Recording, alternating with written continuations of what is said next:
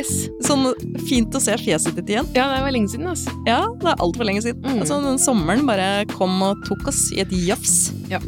Og tiden forsvant. Har du vært hot summer girl i det siste? Jeg syns jeg har vært veldig lite hot uh, Er ikke summer det anything. Hot- ikke hot, hot in the city. Ja. Ja. Det har vært mye hjemmeliv, egentlig. Men uh, fikk jo i Mm. hvert fall reist litt til Tyskland. Om ikke Mm. annet. Du fikk endelig uh, kommet deg til Torpet. Mm. Ja. Vi, ehm, det sto. eh, Hadde ikke rast sammen, men det var jo spor av at naturen prøvde å ta det tilbake, da. Ja. Så ja, fornøyd. Fornøyd.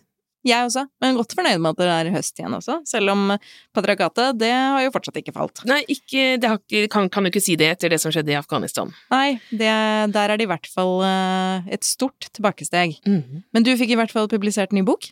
Ja. Så det patriarkatet, Den heter jo Patriarkatet faller. Ja. og det er din bok, Ja. Og Jenny og Jordal. Jenny Jordal sin. Ja, nei, det, gjorde, det skjedde de siste ukene. Har vi vært eh, litt rundt med den og hatt uh, gøy. Fordi, ja, jeg liker jo Jeg liker veldig godt denne Patriarkatet faller-duen, -hmm. men eh, også det å jobbe med Jenny er, er morsomt. Så mm, eh, ja, det har blitt godt mottatt, og folk ler, og vi driver og utvikler eh, litt sånn sceneshow, da. Ja, men det er kjempemorsomt. Og så skal du jo faktisk ut og reise til utlandet for første gang på veldig lang tid òg. Det, ja. Skal ikke du til Hellas? Hellas og Wien, faktisk. Ja, det blir så bra! Jeg har også begynt å jobbe, jobbereise litt, så det er jo sånn jeg føler at nå, litt sakte, men sikkert tilbake til virkeligheten, sånn som det skal være. Mhm. Men nå må vi først og fremst feire at vi endelig har fått regjeringsskifte! Åh, gud, ja. Ja. For en ørkenvandring dette har vært!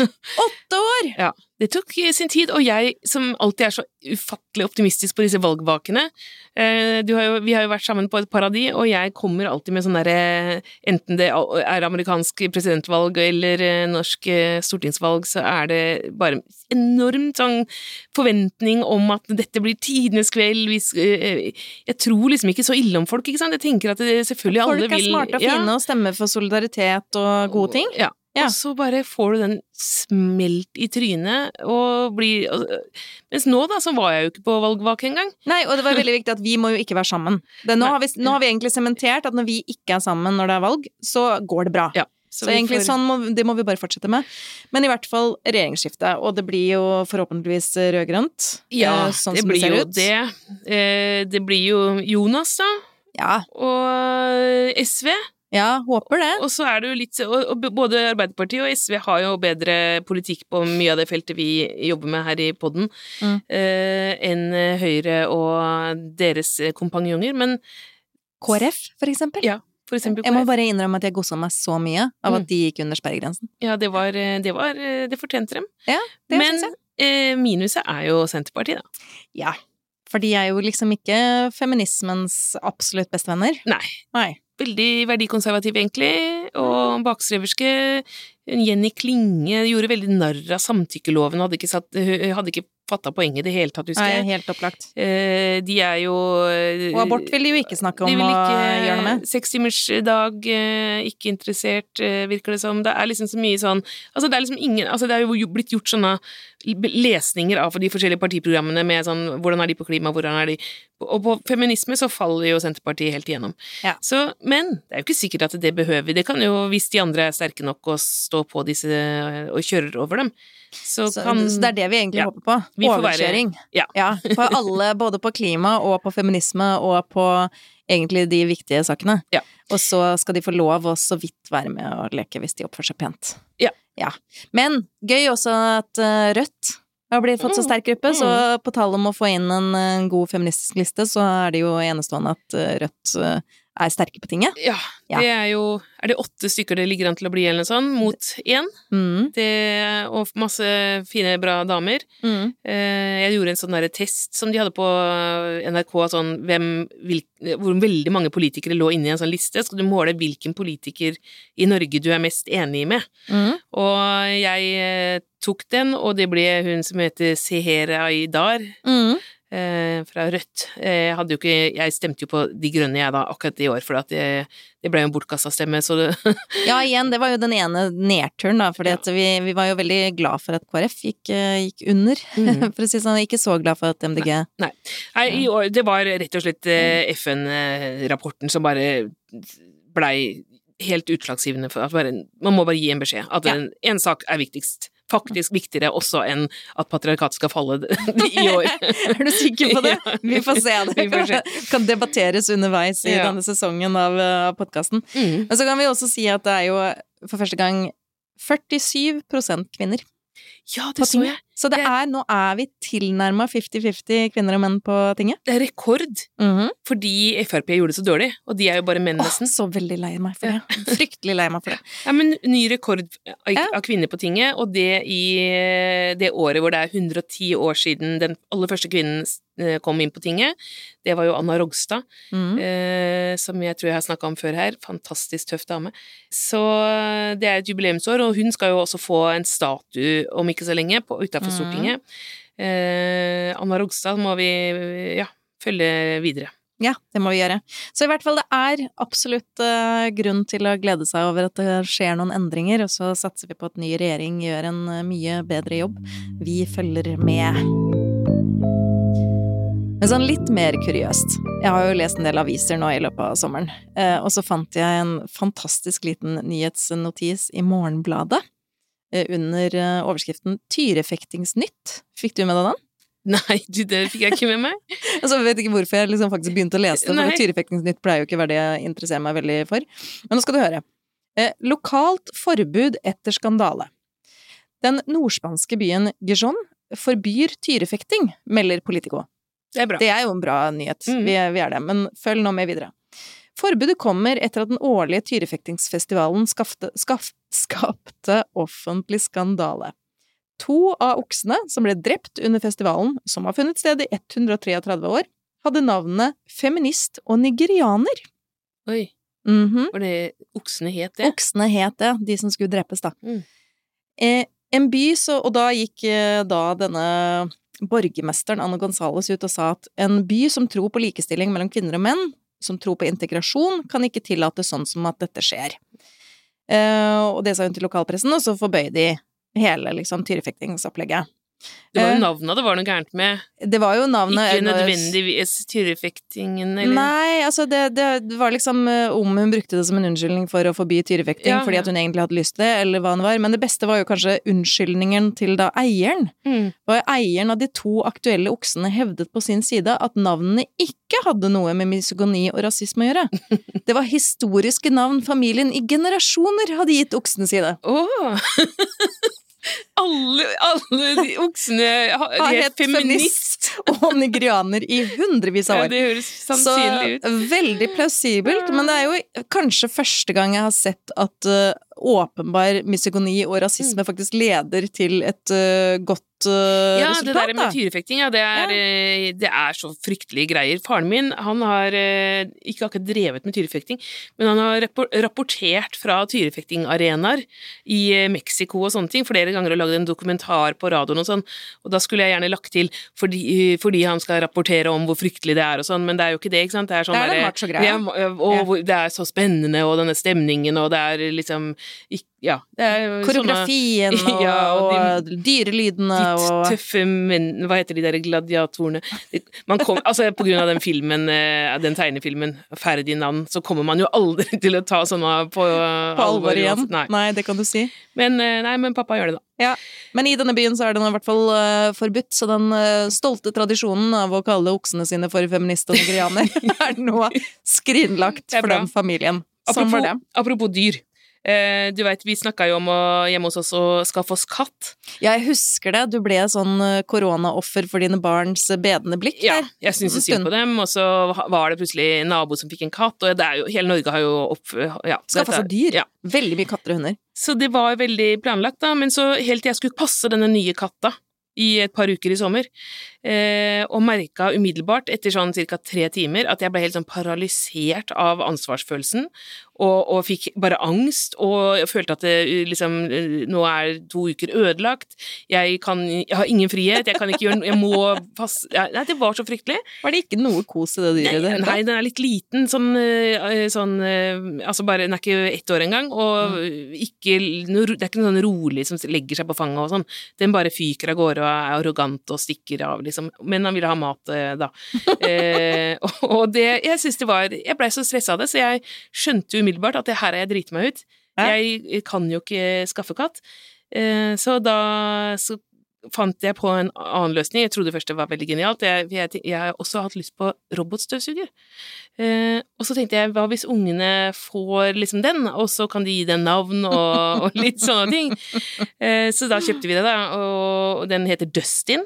Mhm. Eh, ungene Ja, og elsker ungene den?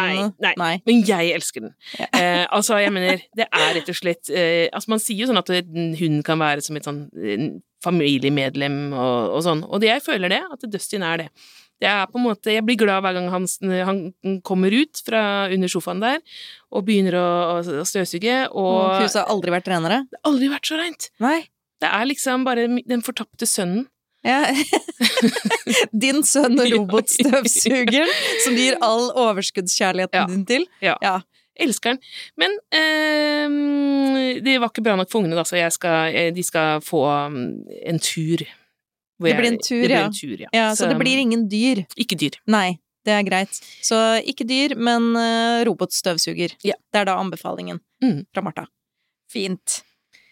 Jeg tenkte, eh, jeg hadde en ting til jeg skulle hadde på blokka mi. Det var jo ikke så hyggelig som det vi har prata om nå. Eh, okser og roboter. Okser men roboter, ja. eh, abort, selvfølgelig. Vi prater jo ofte om abort her, Men det er jo en god grunn til at vi snakker om skjer. abort. så mye på det feltet. Ja, og i alle retninger. Mm. Altså, noen steder går det bedre, andre steder går det dritdårlig. Ja, for Argentina de fikk jo rett til å ta abort eh, innen, innen visse rammer, selvfølgelig. Eh, Mosambik har også fått det, så det er noen land som eh, Mm. går den veien. Ja, i Mexico ble det jo avkriminalisert for første gang, sånn at du kan i hvert fall ikke liksom, settes i fengsel for å ha gjort eh, abort eller forsøk på abort. Så er det jo Polen, som vi har snakka om mye her, og så nå i sommer var det Texas, som det var mye snakk om. Eh, før vi tar Texas og Italia, så har de jo innført noe som heter sånn samvittighetsfrihet, altså eh, at leger og jordmødre kan nekte å utføre Reservasjonsrett. Ja, så det er jo egentlig reservasjonsretten, da, og de bruker den jo heftig, eh, for å si det sånn. Mm. Så der er det blitt vanskeligere. Men så er det det derre med, med, med Texas, da. Eh, Altså, helt Texas har jo aldri eh, hatt en, en liksom bedre betydning enn hva den har nå. Nå er det så rett på. Ja. Altså, det er jo det som har vært mest debattert, debattert, er jo dette med seks uker Altså, nå er det jo ikke lov å ta abort eh, Etter etter, uke seks, etter uke seks. Ja. Og da er det jo veldig mange som ikke har oppdaga at de er gravide engang, og det er jo Mhm. selvfølgelig meningen. Eh, men jeg syns liksom det aller verste nesten av det jeg har lest nå, er det derre angiver eh, systemet de har eh, innført, da. Mm. Liksom Et slags Stasi-opplegg, hvor at hvem, hvem som helst, naboer og venner og familiemedlemmer, kan angi en kvinne som de da mistenker eh, har utført en voldtekt.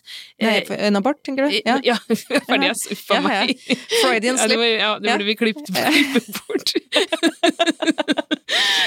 Utført en abort, eller de som har da hjulpet henne med det, da. Ja. De kan angis, og så får de masse penger for det. Ja, de får en pengepremie hvis de faktisk angir noen som har utført eller eh, tatt en abort. 10 000 dollar.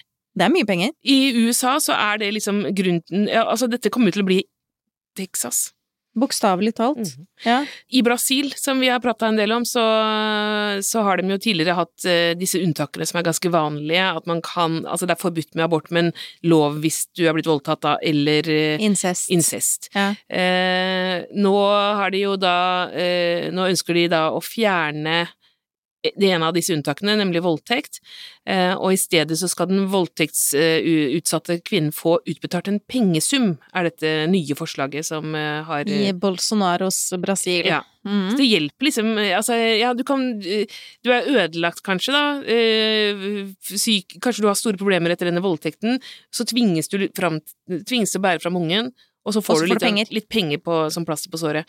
Igjen, sånn det der å gi pengespremier, eh, holdt jeg på å si, kan jo føre til eh, Ja, rare Altså, det kan jo også være en fattige damer som eh, vil Som hevder seg, som hevder seg voldtatt. Ja. Så det er alltid en dårlig idé å blande pengeinsentiver inn i dette her. Men eh, Det er en sånn merkelig løsning. det er veldig rart. Ja.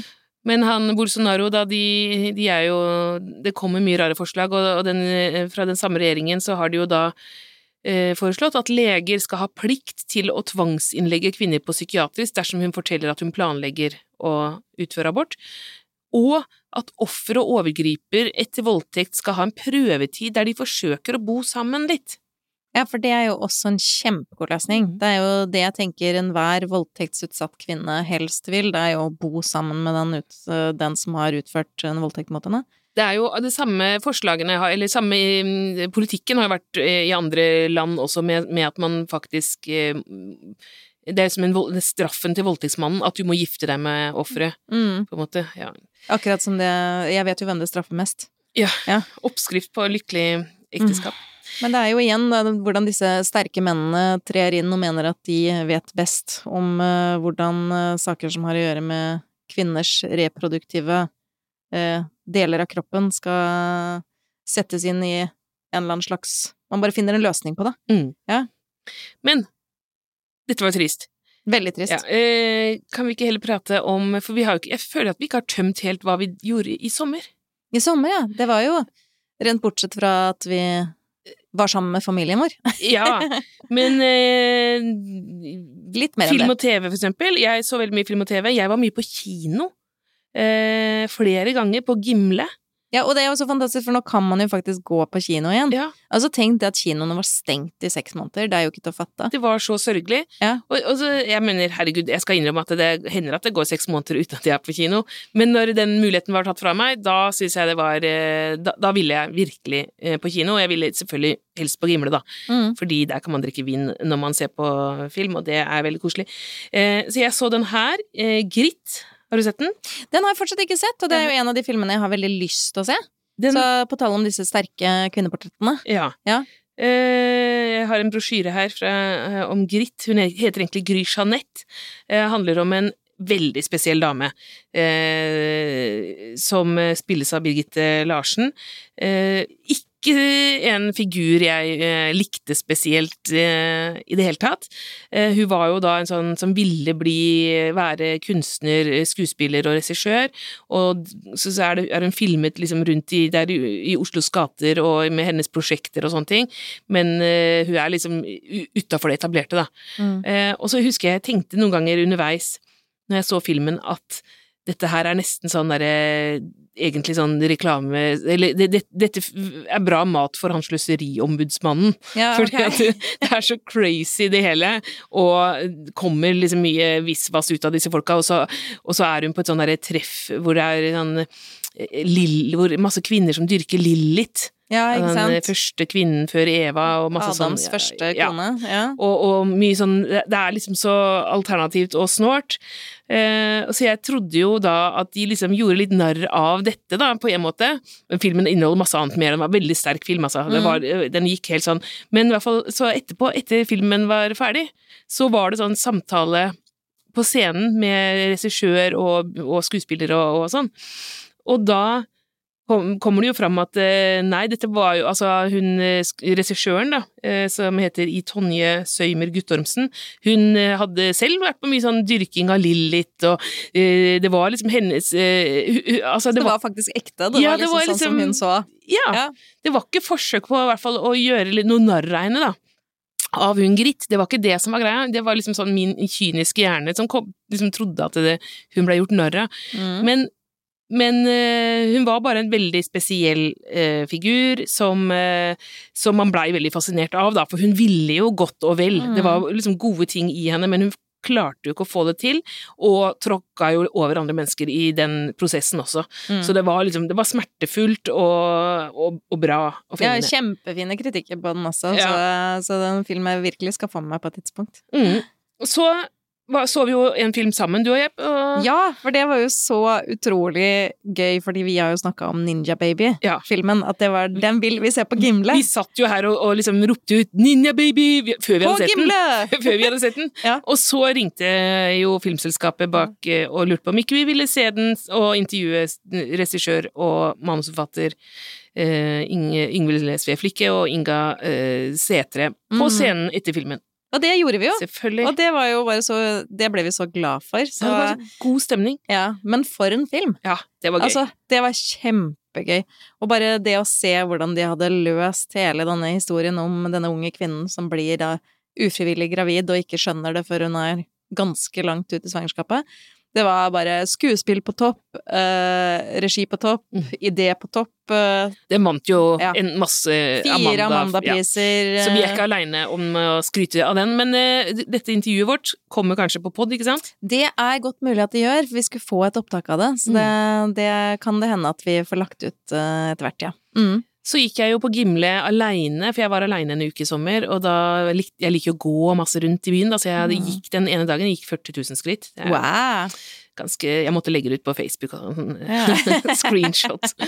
Men jeg gikk den dagen eh, da blant annet eh, fra Manglerud til Gimle, og mm, skulle se endelig et glass til.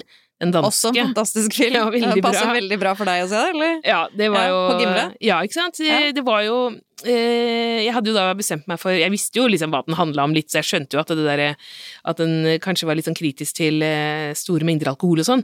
Så, men jeg tenkte jo da at eh, litt må man jo drikke når man ser mengder ja, Så jeg jeg ba om en halvflaske rødvin til den filmen. For ett glass på en film, det blir jo tomt med en gang, og så mm. blir du sittende uten. Så en halvflaske tenkte jeg var fint. Nei, det hadde de ikke lenger, da. Og jeg, jeg hadde liksom bestemt meg i hele den fotturen, så hadde jeg liksom bestemt meg for at jeg skulle drikke en halv flaske rødvin, og så eh, Nei, det var bare helflasker. Jeg bare ja, faen, få ta en helflaske, da. og så, og så der så satt jeg liksom der og drakk meg i, i takt med disse gutta. De ble jo fullere og fullere gjennom filmen. Det eskalerer jo ganske kjapt, ja. Ja. Og jeg kjente jeg bare, Etter hvert så satt jeg og lo høyt. Det pleier jeg ikke å gjøre. Jeg pleier å liksom dempe det litt når jeg er aleine, i hvert fall. Men etter en flaske rødvin, Ja, ja, ja. Og så endte jeg på Youngstorget på fest, men jeg ja, fant noen folk på Bonanza. Det, var jo, det tok helt av. Ja. Så Gimle anbefales. Ja, og et glass til også. Mm. Ja, det er helt, helt klart. Men det er jo favorittkinoen. Ja. ja, Gimle. Store fans. Eh, ellers har jeg sett en TV-serie som jeg fikk anbefalt eh, av folk jeg stoler på, eh, men jeg stoler ikke helt på dem lenger. Okay. Det var den The Share. Har du Hva, sett den? hva er det for noe? Det er, det er jo hun Sandra Oh som spiller i Killing Eve og i Grace Anatomy, eh, som eh, er en kul dame, altså. Og det handler om et eh, universitet i USA, og så kommer de liksom inn på selvfølgelig hva er det vi tenker på med universiteter i USA for tida? Sånn eh, wokeness og Mm. politisk korrekt eh, studenter og sånn. Så det var på en måte en del av poenget som jeg tenkte at eh, det kan være gøy å se en serie om, men så er det liksom helt kjempeoverdrevent. Og eh, så jeg, jeg var ikke helt fornøyd med den. Jeg syntes det var litt barnslig. De tok liksom så kort eh, sånn For eksempel, ikke sant, han ene uh, professoren uh, står og forteller om nazismen, og så mens han skriver, så, så idet han skal si ordet nazisme, så, så bruker han kroppen, så lager han en sånn ha, altså, Altså Heil, Heil, altså med armen, heil med armen, liksom. Men alle ser det underveis at det er bare gestikulasjon, da. Mm. Men det hadde de studentene selvfølgelig tatt bilde av det, og så blir det til slutt at han får sparken for å være nazist. Og det er bare sånn Nei. Nei, så ille er det vel ikke. Nei. Men selv om man kan synes at folk er jo fort litt lettkrenka, da. Ja Ja, Nei. Nei, jeg liker ikke ordet krenka. Vi må stryke det. Vi stryker det. Den er grei. Eh, ellers så er det jo eh, en film vi venter på, det er Klubben. Den har vi snakka om før, Mm. men den er, det tar tid å spille inn ting i korona, så det Det tar jo tid med hele produksjonen. Vi må huske at klubben kom jo for ikke så forferdelig lenge siden ut som bok. ja. Og så kommer det helt sikkert til å ta tid eh, til å både få satt den i produksjon og komme i havn med den, men, eh, men vi gleder oss, og vi følger med. Vi har jo snakka en del om Karen Blixen her før, eh, fordi jeg hadde lest den der matboka om henne som var så fantastisk. Eh, men nå kommer det en, en ny spillefilm snart. Eh, Bille August. Mm. Pakten heter den. Og så Jeg har bare lest forhåndsomtalen, men eh, det høres jo egentlig ut som en sånn litt sånn omvendt metoo-historie. Eh, fordi den handler om den når Altså, Karen er jo da gammel og syk, for hun var syk mye på slutten av livet, og så tar hun en ung mann som heter Torkil Bjørnevig eh, under sine vinger, og dette er jo ekte historie, han har skrevet mm. en bok om det, eh, og lover å liksom hjelpe hans eh, litterære karriere på vei, eh, mot at han lover henne evig troskap og lojalitet. Ja. Eh, Det er vel kanskje litt misforhold i maktforholdet der også, så du kan jo se på det. Og så var han jo også familiefar. Han hadde sitt eget liv, og det kom jo litt på kollisjon med at han skulle stille opp for eh, Karen Blixen hele tiden, da. Riktig. Så eh, jeg vet, jeg vet ikke om det var noe seksuelt. Jeg vet ingenting mer enn det som sto, på, sto der, men jeg ble nysgjerrig. Ja. Bøker, da? Har du lest noen? Ja, jeg har lest eh, en del bøker i sommer. Jeg har faktisk egentlig hatt en litt god eh, lesesommer. Mm. Eh, og da har det jo blant annet vært eh, mye skriverier om Vanessa Springora. Ja. Samtykke. Den, øh, den har du lest. Jeg har lest den. Har du fått Jeg har bare lest masse intervjuer med henne. Jeg har fulgt mm. den saken, syns det er kjempespennende, men jeg har ikke lest boka. Men den, er, den har jo fått gode kritikker i Norge, øh, og nettopp trykt opp i nytt opplag. Ja. Den, eh, så for å være en oversatt eh, roman, så har den jo solgt eh, særdeles godt. Mm. Jeg syns det var uhyre interessant hvordan Vanessa Springora litterært gjør det samme mot det som faktisk var hennes overgriper. Hun hadde jo da som eh, 14-15-åring et forhold med en svært profilert fransk forfatter, som da var 49-50. Gabriel Matsneff het han. Riktig. Og han nevnes jo ikke ved navn i boka oh, som sådan, men det, er, men det er et kjent, eh, det er kjent, og det er også noe hun har snakka om i, Ja, i er intervjuer. Uh, og hun beskriver jo hvordan uh, dette forholdet Han hadde masse forhold med unge jenter, og også unge gutter. Han beskrev, beskrev, også beskrev det i detalj i sin eh, litteratur etterpå. Blant annet dette forholdet han hadde med henne, ble jo også omtalt i bøkene hans. Og så, og så var det jo helt sånn derre eh, Veldig sånn Lolita-historie, Mm. fordi det var gjennom mo- mora hennes at han, de to ble introdusert, og hele kulturmiljøet i Frankrike var på en måte De aksepterte dette her på en, på en absurd måte. Ja, men det her har vi også snakka om tidligere, det, Mm. dette med disse grenseoverskridende miljøene, eh, Mm. som også kommer kulturelt, da, hvor man hadde hatt det i Sverige også, dette med liksom at det å være grenseoverskridende er en del av det å leve i kulturen. Eh, og også i Frankrike har man hatt en mye større aksept for denne type forhold, da, enn hva man kanskje har hatt mange andre steder. Det blei jo også en sånn underskriftskampanje på eh, 80-tallet, eh, hvor hvor både Jean-Paul Sartre og Simone de Beauvoir skrev under på at ikke skulle forbys seksuell kontakt Nei. mellom voksne og barn. Og de mente jo også at, eh, at fordi at den voksne skulle fungere som en læremester Mm. for, eh, for denne, dette unge mennesket, da. Mm. Og jeg, da tenker jo jeg mitt stille sinn, ok, hvor ungt da? Mm. For det er bare Og det er liksom når jeg har jo barn hjemme selv, som er da 14, 15 og 16 år gamle, og så tenker jeg liksom Hvis noen av de hadde innleda et forhold med noen som var liksom i 50-årsalderen, det er jo helt Du hadde jo drept eh, ja, det er vedkommende. Lett. Det er ikke noe tvil om. Men, men det er samtidig som det Jeg bare tror det er ganske definitivt at det hadde jeg ikke tatt så pent. Eh, men det Vanessa Springora gjør, er jo at hun gjør det samme mot denne mannen som han har gjort mot henne. I Det vil si, hun fanger ham i boka Mm. eh, og forteller historien fra sitt ståsted, og, og det er sterkt, og det er veldig godt skrevet og godt formidla. Så det er en god bok som jeg også anbefaler mye, også for å se på dette her hvor, hvor lett det er å bli manipulert, da. Og hvor viktig det er at unge mennesker faktisk blir passa på av de voksne de har rundt seg. Mm. Eh, det, er, det er kjempeviktig. Så, så absolutt en bok som anbefales. Eh. Vanessa, Vanessa Springora, eh, samtykke. Mm. Men altså, høsten er jo her. Bokhøsten er her, og det betyr jo også at vi har jo Vi skal jo faktisk på en litteraturfestival igjen. Ja. Live! Ja. Igjen! Igjen, fordi vi, det, det var jo debut på Lillehammer i mai, som vi har prata mye om, stakkars Mhm. lyttere. Men eh, nå er det Stavanger. Nå er det Stavanger, Kapittelfestivalen, eh, og der skal vi ha en samtale med Nancy Hertz Mhm. og Nina Brochmann Dahl. Nina Brochmann Dahl som skrev boka 'Gleden er kjeden'. Gleden med skjeden. gleden, gleden er skjeden også, det er vi også enige om.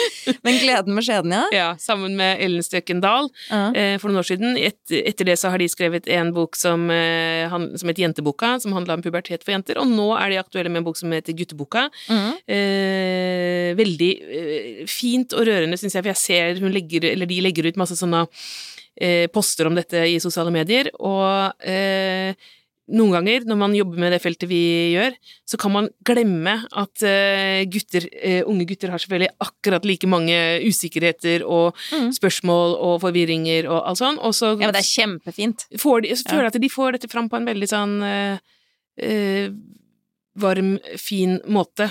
Fordi det må jo sies, noen ganger så blir kanskje gutters uh, seksualitet litt sånn latterliggjort på en Altså, vi er liksom litt flinke til å løfte fram eh, Jentene, fordi at det er så underkommunisert. Ja, og så, så blir det litt mer sånn eh, Når vi prater om gutter, så er det liksom bare overskridende oppførsel, på en måte. Ja. Så jeg, jeg har ikke lest den boka, jeg har bare sett disse utdragene de legger ut, men det virker som en sånn Hvis jeg hadde hatt en tenåringsgutt, så hadde jeg villet eh, at Jeg han syns det er kjempeviktig. Det er Mm. kjempeviktig at gutta også kjenner sin kropp, og liksom at, at man får treffe det. Jeg må jo også si at når vi kjøpte eh, Gleden med skjeden, så kjøpte jeg også etterpå Penisboken. Så vi har Mm. begge to stående i hylla hjemme, fordi Ja. jeg mente at det måtte være litt likestilling Ja, for du har en av hver, du. Ja, jeg har jo det, så da er det greit å ha begge deler. Eh, Mm. Begge, syns, begge barna syns jo selvfølgelig det var utrolig kleint. Mm.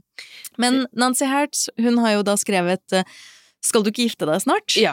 Ja, det er den siste boka hun har kommet med.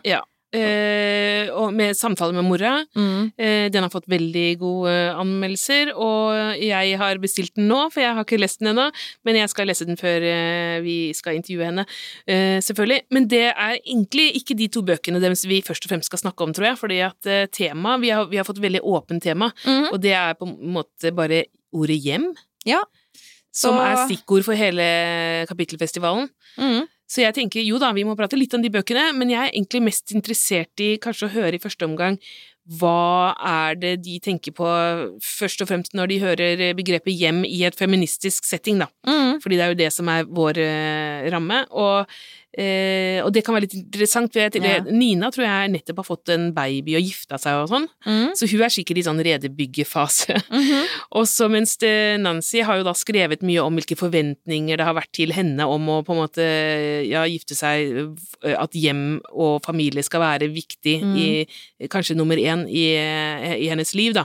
Eh, som på en måte har kommet litt kulturelt, så jeg tror det er et oppgjør med det. Mm. Eh, Og da blir jo hjem også noe som er liksom Er det noe du søker til, eller er det noe du bryter ut fra? mm. Det er, det er veldig mange inn- og utganger man kan Nå fikk vi planlagt litt, grann, Ja. vet du, det var bra. Det er ikke så verst. Ja. Men vi gleder oss veldig til vi skal til Stavanger. Ja. Og jeg har jo ikke vært på kapittel på mange, mange år, så det Mm. er jo på tide å dra tilbake igjen, mens du er jo stort sett årlig på plass. Ja.